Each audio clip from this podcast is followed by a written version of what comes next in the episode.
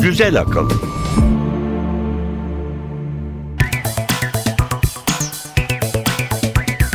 Güzel Akıl 22. bölüme hoş geldiniz. Ben Emre Üç Kardeşler. Ben Elif Yılmaz.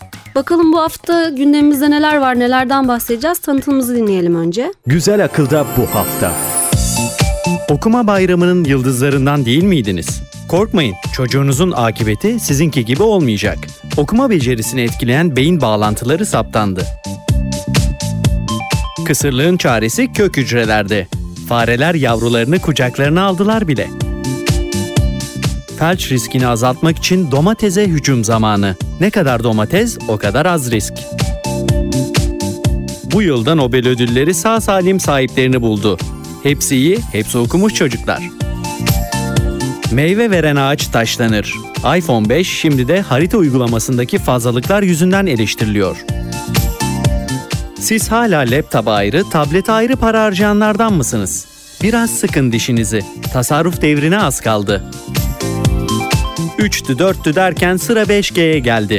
Bu işte potansiyel olduğunu fark eden İngilizler kolları sıvadılar bile. Hapı yutmaya hazır mısınız? İçiniz rahat olsun. Bu defa doğru hapı yuttuğunuzdan emin olacaksınız. Bilim ve teknoloji tarihinde bu hafta neler oldu? Cahillikler köşesi ve bir portre. Laplace kimdi? Ona neden Fransa'nın Newton'u deniyordu? Güneş sistemi neden ondan sorulurdu? Napolyon'u nasıl ters köşeye yatırmıştı? Güzel akıl.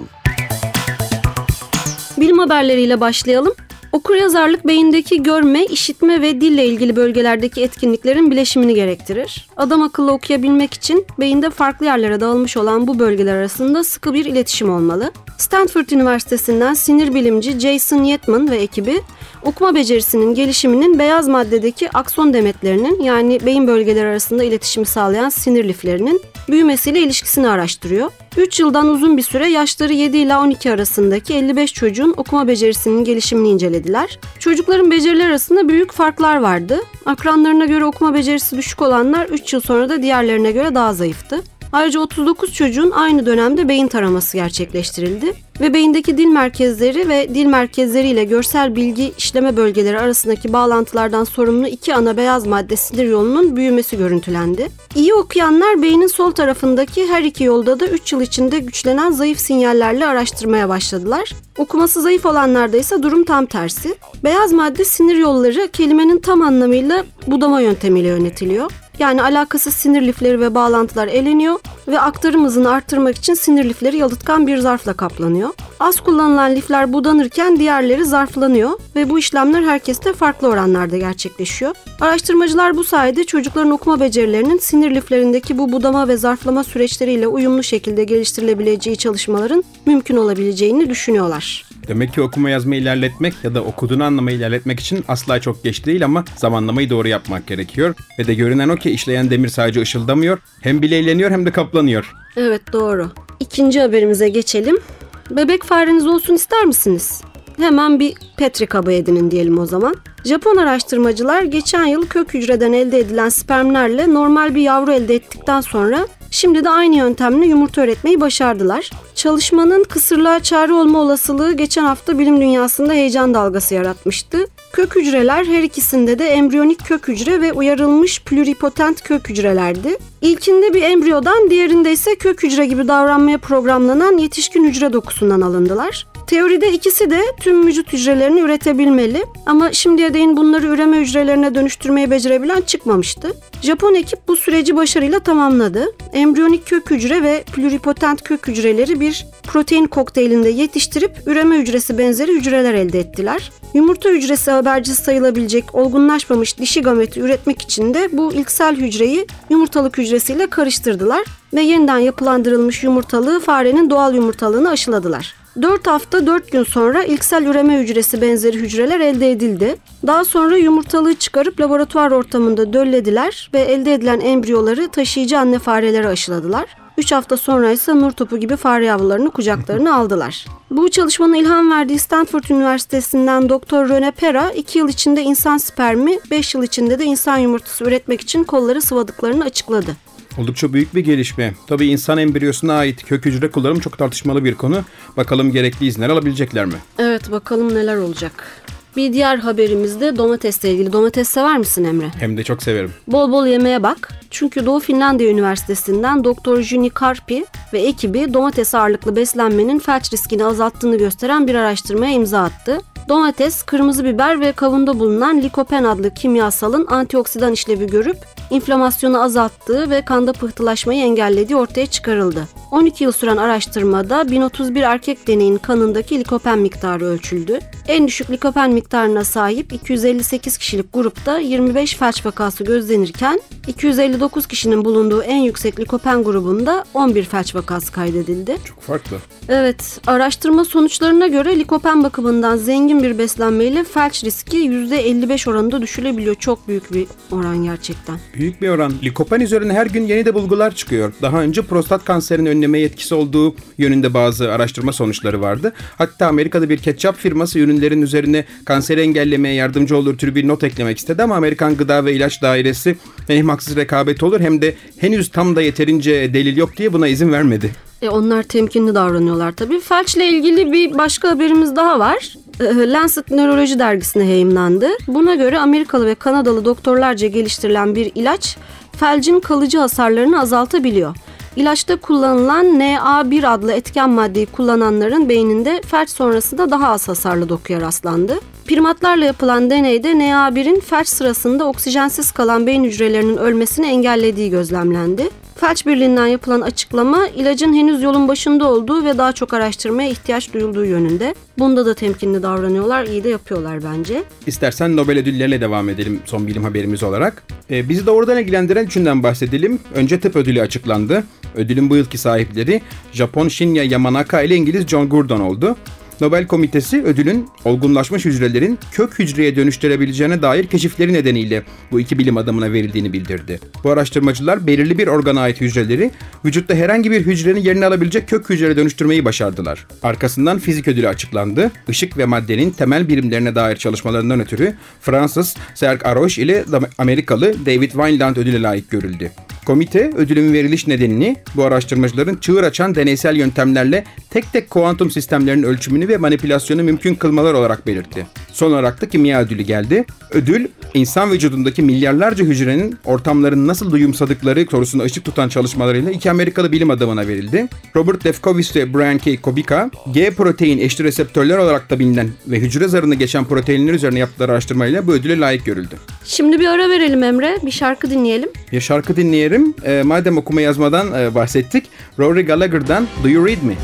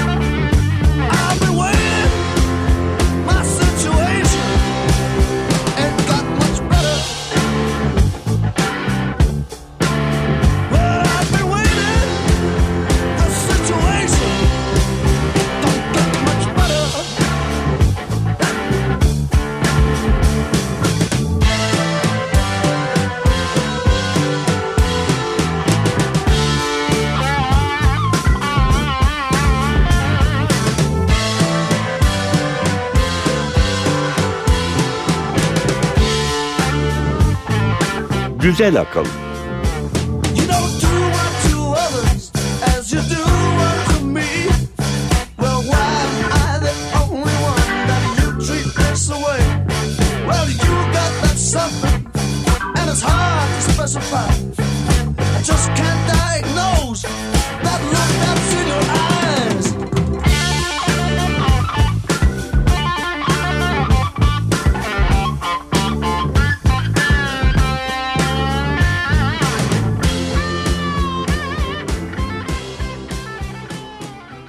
Güzel akıl. Teknoloji haberleriyle devam edelim. İlk haberimiz Apple iPhone 5. Daha suların durulması biraz zaman alacak gibi. Harita uygulamasındaki sorunlar ve eksikler bazen de fazlalıklar e, kimi kişi ve kurumları üzdü. Eksiklik derken programın gereken yerleri göstermemesinden bahsediyoruz. Fazlalık derken de savunma üsleri, araştırma tesisleri gibi haritada gösterilmesi çok da istenmeyen yerleri göstermiş olması. Apple yazılım mühendisleri yaptıkları bir açıklamada program henüz oturmadı diye biz uyarmıştık dediler. Yazılımcılar uyarmış ama ikna edememişler. iPhone için yaygın bir başka gözlem de hafiflik ve incelik için tercih edilen alüminyum kasanın çok kolay çizilmesi ve hatta paketten çıkan ürünlerin biraz çizik çıkması yönünde. Çok hızlı bir yarışın hüküm sürdüğü akıllı telefon dünyasında geri kalmamak için acaba iPhone 5 piyasaya aceleyle mi sürüldü diye sormak geliyor içimden ama gerek yazılım gerek donanım eksikleri zamanla kapanacaktır. Fakat vakit alacak gibi. Biraz vakit alacak gibi. Bir başka teknoloji haberimizde tablet ve laptop karışımları hakkında. Önde gelen dizüstü bilgisayar üreticilerinden Lenovo, yeni tablet ve laptop hibrit modellerini piyasaya sürmeye hazır olduğunu açıkladı. İlkine Yoga ismi uygun görülmüş. Yoga aslında klavyenin altına 360 derece katlanabilen bir ekranı da olan hafif bir laptop. Ekran ve klavye birbiri üstüne katlandığı zaman kalın bir tablet haline geliyor. İkinci model Lynx ise bağımsız bir tablet ve klavye setinden oluşuyor. Klavyeden ayrı kullanıldığı zaman standart bir tablet ama klavye ile birleştirdiğiniz zaman da laptop haline geliyor. Ve bu şekilde klavyenin üstündeki HDMI gibi bağlantılar da kullanılabiliyor ve alet aynı zamanda şarjda oluyor.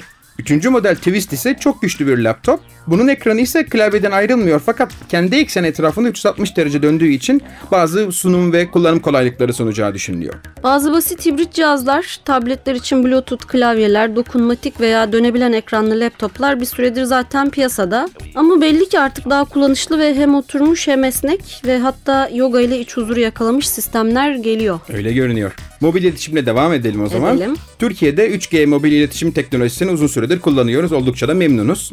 4G testleri de başlamış diye duyduk. Kore, İskandinav ülkeleri, Almanya, Yeni Zelanda, Avustralya gibi ülkeler de 4G'yi birkaç yıldır geçmiş durumdalar. İngiltere'den yeni gelen bir habere göre ise İngilizler 5G için ARGE çalışmalarına başlamışlar bile. Bu araştırmalar için oluşturulan araştırma ortaklık yatırım fonuna hükümet, üniversite ve özel şirketlerin katkısı toplam 1 milyar poundu bulacak diye hesaplanıyor. Surrey Üniversitesi'nde oluşturulan merkezde yeni mobil geniş bant ürünleri geliştirilecek ve oldukça gelişmiş deney imkanları sunulacak. Tabii 5G teknolojisinin ancak 10-15 yıl sonra tam kapasiteyle kamunun kullanımına açık olması planlanıyor. Fakat eski gelişmelerin hızına bakarsak bundan önce bile olursa çok da şaşırmayacağız. Evet şaşırmamak gerek. Yakın bir gelecekte sadece mobil cihazların değil bütün bilgisayarların, otomobillerin ve hatta binalarda kullanılan cihazların 4G GSM teknolojisiyle donatılmış olarak sunulmasının ve bunların 4G ağında birbirleriyle haberleşiyor olmasının hedeflen, hedeflendiği düşünülünce 5G için potansiyelin yüksek olduğu açık. Ben de sana bir teknoloji haberi hazırladım. İnsan doğru apıp yutmadığından bir türlü emin olamaz. Neyse ki yeni bir uygulama sayesinde bu kuşkudan kurtulmak mümkün. Binlerce reçete yazılıyor ama ilaçların birbirinden renk ve şekil olarak ayrılmasını olası kılan bir yöntem yok. Özellikle de hastanelerde çok büyük karışıklıklar oluyor. Amerikan Ulusal Sağlık Enstitüsü'nden Jesus Cabin ve ekibi bu tür hataları önleyecek bir yazılım geliştirdiler. Yazılım telefon kamerası aracılığıyla hapları tanımlayabiliyor. Drugs.com ve WebMD gibi web sitelerinde ilacı tanımlamanız kaydıyla hapları birbirinden ayırmaya yardım eden araçlar kullanılıyor. Cabin'ın yazılımı fotoğraftan hapın biçimini, rengini ve üzerindeki işaretleri algılayıp bir saniyeden kısa bir sürede ilacı tanımlıyor. Çok hızlı. Evet bu tekniğin bir iyi tarafı da akıllı telefon uygulamalarıyla kendi kendinize de kullanabilecek olmanız. Ekip şimdilik en fazla reçetelendirilen 568 hapın farklı açılardan ve farklı ışık altında çekilen fotoğrafını test edebiliyor. Uygulama kullanıma sunuluktan sonra kullanıcıların da katkılarıyla sayı artacaktır. Çok güzel. Görme engelliler, görme zorluğu çekenler, yaşlar ve aslında hepimiz için faydalı olabilecek bir uygulama. Tabii umalım da arada ciddi hatalar olup başka türlü hapı yutan olmasın. Oluyor işte o yüzden böyle bir uygulama yapmışlar. Şimdi bir şarkı daha dinleyelim. Bir ne çalacaksın bize? bir şarkı daha dinleyelim. Madem veri iletişiminden bu kadar bahsettik ve telefonlardan bahsettik. Dung Fever'dan dinleyelim. Tiger Phone Card. You live in Phnom Penh.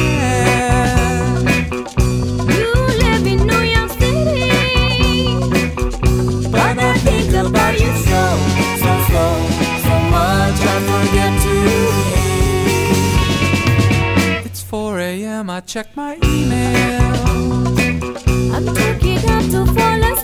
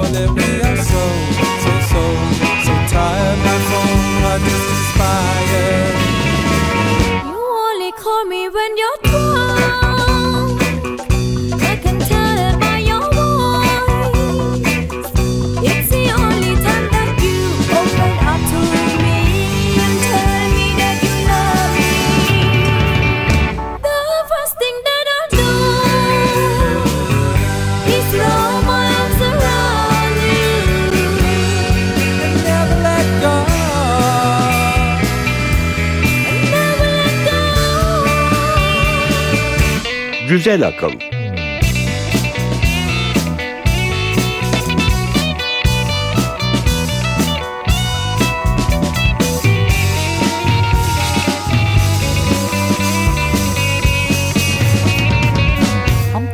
30,000 feet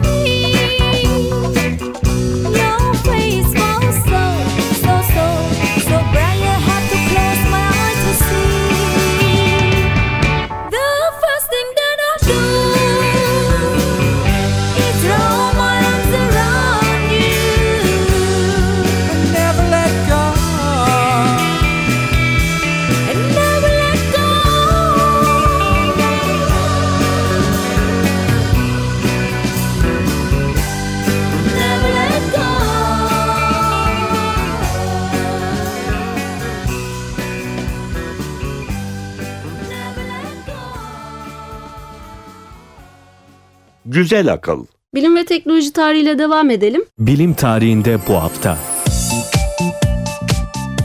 8 Ekim 1604.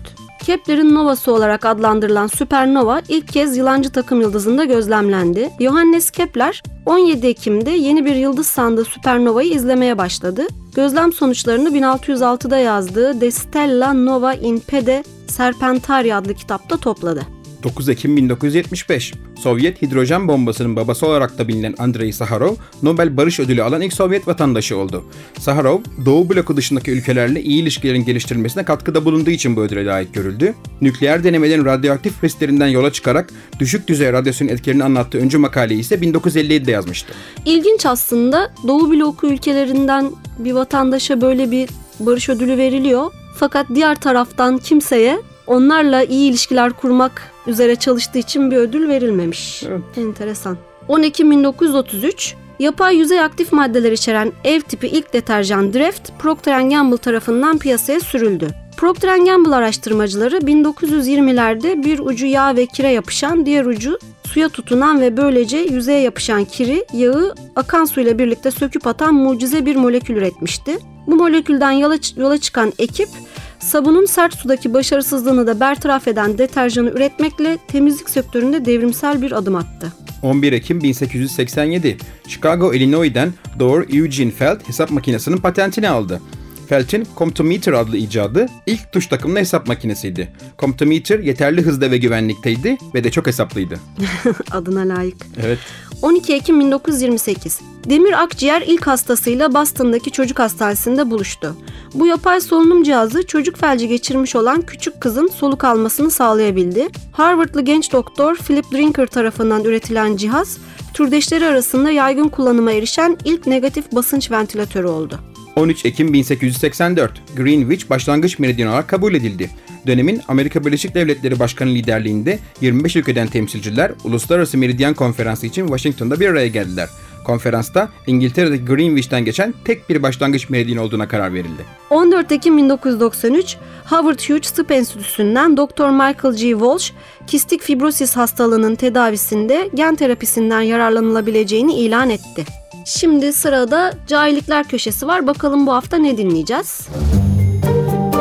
Cahillikler köşesi. İnsanoğlunun inşa ettiği hangi yapı aydan görünür? Bilinenin aksine Çin Seddi değil. İnsan eliyle yapılmış hiçbir şey aydan görünemez. Yerin yüzeyinden 100 kilometre uzaklıkta uzay başlar. Uzaydan otobanlar, gemiler, tarlalar gibi pek çok yapı görülebilir. Dünyanın yörüngesini terk edip birkaç bin kilometre yüksekliğe çıkınca insanoğlunun yaptığı hiçbir şey görülmez. Dünyaya uzaklığı 400 bin kilometreden fazla olan aydan kıtalar bile güçlükte görülür.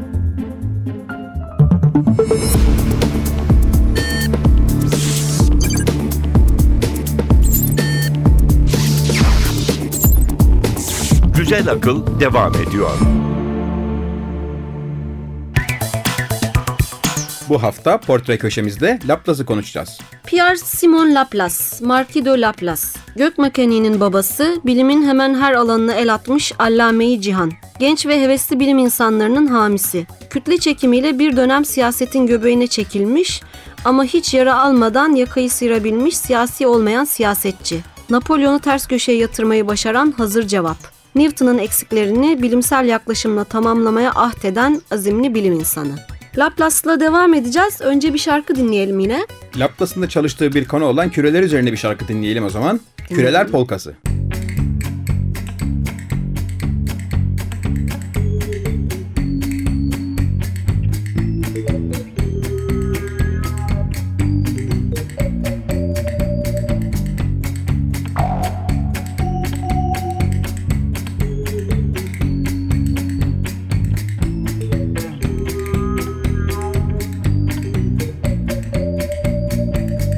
Güzel akıl.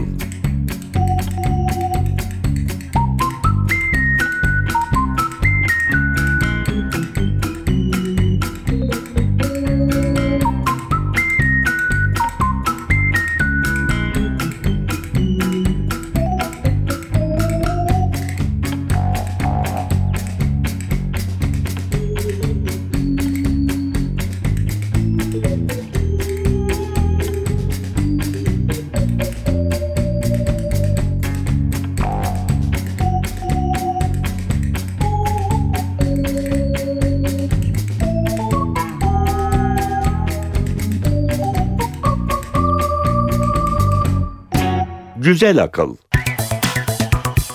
Laplace 23 Mart 1749'da Fransa Normandiya'da bir çiftçi ailenin oğlu olarak dünyaya geliyor. Onun ailesi de tıpkı Gregor Mendel'inki gibi yoksul olduğundan okumak için hayırsever komşuların desteğine ihtiyaç duyuyor. Allah'tan o yıllarda zeki çocuklardaki cevheri fark edip yardım eli uzatan iyi ve zengin insanlar varmış. Fakat ne yazık ki 1925'te ailesine ait şato yandığı için hayatına ilişkin çok ayrıntılı bilgi yok elimizde. Ayrıntılı bilgi olmadığı için ilk gençlik yıllarında eğitimin nerede ve kimden aldığı kısmı pek net değil ama şunu biliyoruz babası ilahiyat okumasını istiyor. Ama o okulundaki hocaların da desteğiyle 18 yaşında köyünden ayrılıp Paris'in yolunu tutuyor. Hocalarından biri olan Pierre Le Canou dönemin önemli bilim insanı Jean-Laurent D'Alembert'e bir tavsiye mektubu yazıyor. Söylendiğine göre D'Alembert önce pek yüz vermiyor Laplace'a. Hatta çok zor kitaplar, makaleler, problemler verip kısa sürede bunların yorumlamasını çözmesini istiyor. Laplace bu sınavları kolaylıkla geçiyor. Zor bir testten geçmiş ama aslında. Evet D'Alembert gibi bir insanla baş etmek zor ama be- becermiş gerçekten. D'Alembert'de bu gençte büyük potansiyel var diyerek Paris'teki askeri okula matematik hocası ya da işte artık o dönemde profesör olarak atanmasını sağlıyor. Artık o dönemden sonra Laplace'ı tutabilene hep aşk olsun. Büyük bir iştah ve azimle gökbilim konusunda çalışmaya başlıyor. Hayatını kütle çekim yasalarının güneş sistemine uygulanması çalışmalarına adıyor diyebiliriz. İlk eserini 1771'de yayımlıyor. Sonra gerisi çorap söküğü gibi geliyor. Aslında işe zor bir problemle başlıyor Emre. O güne değin Jüpiter'in yörüngesi sürekli küçülürken Satürn'ünkünün neden sürekli genişlediği bir türlü cevaplanamıyor. Hatta Newton bu soru karşısı bu sorun karşısında çaresiz kalıp topu Tanrı'ya atıyor ve diyor ki işte her zaman her şeyde insanın çözmesini beklemeyin. Sistemin dengede kalabilmesi için bazen Tanrı'nın işe karışması gerekir. Laplace ise yörüngelerin dış merkezlik ve eğikliklerinin küplerinden yola çıkarak gezegenlerin güneşten uzaklıklarının ortalamasının değişmediğini 1773'te kanıtlıyor. Henüz Fransa'nın- 24 yaşında. Fransa'nın Newton'u olma çabasını o zamanlarda başlamış daha. Başlamış evet. Böylece Fransa Bilimler Akademisi'nin kapıları da kendisine 24 açılıyor. yaşında. Evet, güneş sisteminin kararlı olduğunun belirlenmesinde ilk ve önemli adımı oluşturan bu buluş fiziksel astronomide Newton'un buluşundan sonra en büyük gelişme kabul ediliyor. Sen de söyledin Fransa'nın Newton'ı diye bahsediliyor. Fransızlar da yerli Newton diyorlardır herhalde. 1780'de bambaşka bir dala sıçrayıp yine dönemin çok ünlü kimyageri Antoine Lavoisier ile birlikte solunumun aslında kimyasal olarak bir yanma olayı olduğunu gösteren çalışmalar yapıyor. 1784-85 arasında yeniden gökbilim çalışmalarıyla sahneye çıkıyor. O dönemde çok güzel aslında çünkü bu büyük bilim insanlarının yaptıkları kamuoyu tarafından da sürekli takip ediliyor. Çok heyecanlı dönemler. Yani birinin yaptığının üstüne öbürü başka bir şey koyuyor ve sürekli bir keşif var. Çok heyecanlı dönemler Evet gerçekten. keşke şimdi de öyle olabilse çok bir haberiz neler olup bittiğinden. Neyse bu çalışmasıyla da küremsi iki kütle ile bir noktasal kütle arasındaki çekim kuvvetinin tek bir fonksiyonun kısmi türevleri yardımıyla hesaplanabileceğini gösteriyor. Böylece özellikle ısı manyetizma ve elektrikte çok önemli olan potansiyel kuramında temellerini atıyor.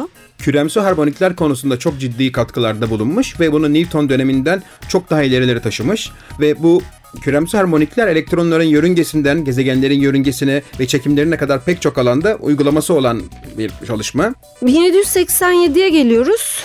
Ayın ivmesinin yerin yörüngesinin dış merkezliğine bağlı olduğunu belirliyor. Bu aslında şu demek, e, ben kabaca anlatmaya çalışayım. Ayın dünyanın çevresinde dolanırkenki ortalama açısal hızı bu iki gök cismi arasındaki kütle çekim kuvvetine bağlı. Ama güneş de boş durmuyor bu arada. Onun da aya uyguladığı bir çekim kuvveti var ve bu nedenle ayın hızı bir miktar azalıyor. Güneşin uyguladığı çekim kuvveti ise dünyanın yörüngesinin dış merkezliğinin diğer gezegenlerin etkisiyle değişmesine bağlı olarak değişiyor. Çok dinamik bir yapı var artık birbirini çeken çekene. Sonuçta dünyanın yörüngesinin daireselliği arttıkça ayın hızı artıyor. Azaldıkça da hız düşüyor. Böyle bir sonuca varıyor. Laplace bunu kanıtlıyor ve bunun periyodik bir değişim olduğunu söylüyor. Böylece güneş sisteminin kararlılığı konusunda kimsenin şüphesi kalmıyor. Ya çok karmaşık ve anlaşılmaz gibi görünüyor ama o dönemde ayın günü birinde dünyaya çarpacağından korkulduğu düşünülürse insanların içine nasıl su serptiğini de anlayabiliriz. Evet bu bilim çalışmaları bazı toplumsal endişeleri de gidermek yönünde bayağı faydalı olmuş. Evet. Çalış çalış bir yeri kadar tabii. Sonunda 1788'de Laplace genç 18,5 yaşında Marie Charlotte de Corti de Romange'la dünya evine giriyor. Nur- Kendisi de 38 yaşında falan galiba o zamanlar. Evet normal herhalde o dönemde bu yaş farkı. Nur topu gibi de iki çocukları oluyor biri kız biri oğlan. Fakat çalışmalardan kopmuyor. Çalışmaları devam ediyor. 1796'da yine ilginç o güne değin kimsenin değinmediği bir varsayımla karşımıza çıkıyor. Dünya Sisteminin Açıklaması adlı bir kitap yazıyor. Kitabı sıradan aslında bilimle alakası olmayan insanlar da okuyabilsin diye çok popüler bir dil kullanıyor. Güneş sisteminin soğuyarak sıkışan bir bulut sudan ortaya çıktığını öne sürüyor. Bu varsayım gezegenlerin oluşumuna ilişkin sonraki varsayımları da etkiliyor. Çok etkili bir varsayım gerçekten. Bu arada atladık. 1789'da Fransa'da önemli bir olay oluyor. Fransız devrimi. Evet. Siyasetle pek alakası olmadığı için ona kimse dokunmuyor. Hatta Boylan Bürosu Başkanlığı'na getiriliyor ve metre sisteminin oluşturulması çalışmalarına katılıyor. Çok önemli bir bilim adamı olduğu için çok çalkantılı zamanlarda yaşamış olsa da mutlaka e, kendi yerini koruyan bir kişi e, Laplace. Evet Napolyon'la ilgili de bir takım olaylar oluyor. İşler değişip Napolyon başa geldiği zaman bu sefer Napolyon İçişleri Bakanı olarak atanmış. Gerçi çok kısa sürmüş sadece 6 hafta kadar bakanlıkta kalmış. Sonra da Napolyon kendi kardeşini getirmiş yerine ama gene de bir e, Laplace'ın saygınlığından faydalanmak için Napolyon bunu biraz kullanmış. Napolyon aslında Laplace'ın eski öğrencisi ve onun komitesinin sınav komitesinin başkanlığını Laplace yürütmüş. Ha, bir saygı ifadesi olarak herhalde. Evet. Aslında belki de birazcık da siyasal da bir hamle gibi. Çünkü halkın bu kadar saygı duyduğu, sevdiği bir bilim insanını başa getirmek Kesinlikle, kesinlikle. Sempati İşler kazandı. gene değişip Napolyon sürgüne gönderildiğinde Laplace da bunu onaylayanlar arasında ve monarşi döneminde de Mark ünvanını alıp bu sefer de Ekol Politekniğin başına kurumun işlerini tekrar düzenlemesi için getirilmiş. Evet, Napolyon'la ilgili bir ilginç anısı da anlatılır. Bu gök mekaniği kitabını yazdığında Napolyon meraklı okumuş kitabı. Sonra demiş ki Laplace'a bu göklerde olup biten her şeyi bu açıklıkta anlatıyorsun ama Tanrı'dan hiç değinmemişsin burada. Laplace da hazır cevap tabi yapıştırmış cevabı. Demiş ki öyle bir varsayıma ihtiyaç duymadım. Napolyon da gülmüş geçmiş artık ne desin. Bu arada da bilimsel çalışmalardan geri kalmıyor olasılığa kafayı takıyor. Hatta olasılığın babası haline gelmiş neredeyse sonra da. Evet, 1812'de Olasılıkların Analitik Kuramı adlı kitabını yayımlıyor. 1814'te serinin ikinci kitabı olan Olasılıklar üzerine felsefi deneme geliyor. Bu çalışmalarda çeşitli doğa olaylarının gerçekleşmesine ilişkin olasılıkların matematiksel hesaplarına değiniyor. Olasılık kuramının yalnızca bir takım olayların gerçekleşme olasılığının hesaplanmasında değil, olguların nedenlerinin belirlenmesinde, yaşamla ilgili istatistiklerde ve geleceğe ilişkin olayların tahmininde de kullanabileceğini vurguluyor. Laplace için olasılığın şöyle de bir önemi olduğu söyleniyor. Çok net ve düzgün kurallara bağlı olan doğa olaylarının bazı boşlukları var hala. Ve o da bu boşlukların aslında o kadar da boş olmadığını ve olasılık üzerinden bilimsel olarak açıklanabilecek bir yapıda olduğunu düşünüyor. Ve o yüzden olasılığı bir yandan gök mekaniği derken o yüzden de olasılığı bu kadar çok incelikle ele alıp doğayı açıklamak için de kullanıyor. Evet aslında eksiklik gidermeye de kafayı takık. Şimdi aslında bir de bu dönemde bu kitap üzerine Laplace'ın şeytanı diye bir ifade yaygınlaşıyor. O da şuradan geliyor. Makalesinde diyor ki evrenin şimdiki halini geçmişin sonucu ve geleceğin nedeni olarak ele alabiliriz. Bir an için evrenin tüm güçlerinin ve bunu oluşturan tüm varlıkların konumlarını anlayabilen bir canlı olduğunu ve bunun bu verileri inceleyebildiğini düşünürsek aynı anda evrendeki en büyük varlıklardan en küçük atomlara kadar her şeyi hesaba katarak bir hesap yaparsa hiçbir şey belirsiz değildir ve gelecek de aynı geçmiş gibi onun gözlerinin önündedir. İnsanlar korkuyorlar Laplace'ın bu ileri tahmin yeteneğinden. Olasılık da bir kenara çok fazla bilim dalıyla ilgilenmiş demiştik. Onlardan bahsedelim birazcık. Laplace'ın dokunmadığı alan neredeyse yok gibi. Laplace denklemi oldukça önemli bir e, kısmi diferansiyel denklem ve bunun çözümleri elektromanyetizma, astronomi, akışkanlar alanında e, oldukça sık kullanılıyor. Laplace dağılımı bahsettiğimiz gibi olasılık ve üzerinden telekomünikasyon, akustik, sağlık bilimleri, finans, istatistik hepsinde kullanılıyor. Gene Laplace dönüşümü ise e, pek çok temel bilimler ve mühendislik öğrencisinin çok sevdiği bir dönüşüm. Çünkü diferansiyel denklemleri cebirsel ifadeleri dönüştürme işlemi ve bir fonksiyonun tanım kümesini zamandan frekansa çevirerek işleri oldukça kolaylaştırıyor. Bunun dışında Laplace kara deliklerin varlığını ilk tahmin edenlerden biri. Ses hızının bulunduğu havanın ısı kapasitesiyle ilişkili olduğunu tahmin etmiş ve gelgit olayları üzerine gökbilimle ilgilendiği için oldukça detaylı çalışmalarda bulunmuş. Yüzey gerilim meselesi üzerine kafa yormuş. Evet aslında öncü çalışmalar belki kendisi o dönemde neden bahsettiğinin çok farkında değildi ama yıllar sonra bu konularda çalışan bilim insanları için çok yol gösterici olmuş gerçekten. Evet biraz egoist kişiliği de bilinen Laplace herhalde bugün bu kadar hala önemli olarak anıldığını bilse çok mutlu olurdu. Çünkü Laplace'ın kötü bir huyu var. Yaptığı çalışmalarda kendi öncülleri üzerine çok fazla referans vermiyor. Tabii ki Newton hakkında bahsediyor ve hani devam ediyor ama çalıştığı alana katkıda bulunan bazı isimleri çok kolay harcamasıyla meşhur. E olur o kadar. O Ne kadar yapalım? olur herhalde. Bir iyi yönü var ama pek çok genç bilim insanına önemli kapılar açıyor ve onları yeteneklerine uygun pozisyonlara yerleştirip potansiyellerin tam olarak açığa çıkması yönünde çok cesaretlendirici bir rolü olmuş. İşte bilim dünyasında görmek istediğimiz hareketler. Marki ünvanı aldığından bahsetmiştik. Aslında aldığı tek ünvan ya da e, ona verilen tek onur bu değil. 1816'da Fransız Bilimler Akademisi'nin 40 ölümsüzleri arasına giriyor. Oo. 4628 Laplace asteroidi onun adını taşıyor. Adı Eyfel Kulesi'ne kazınan 72 kişiden biri oluyor. NASA ile e, Avrupa Uzay Ajansı ESA'nın e, ortak planladığı Europa Jüpiter sistemi görevinin bir diğer adı da Laplace.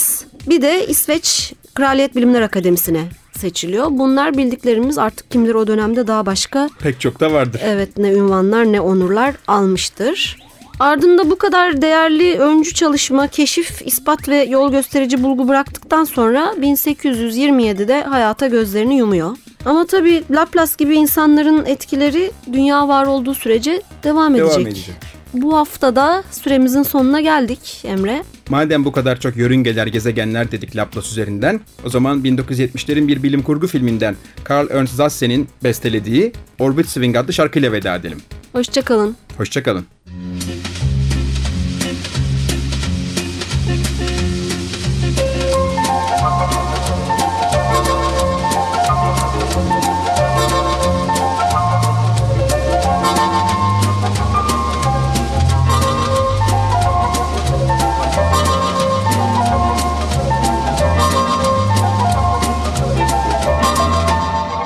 Güzel akıl.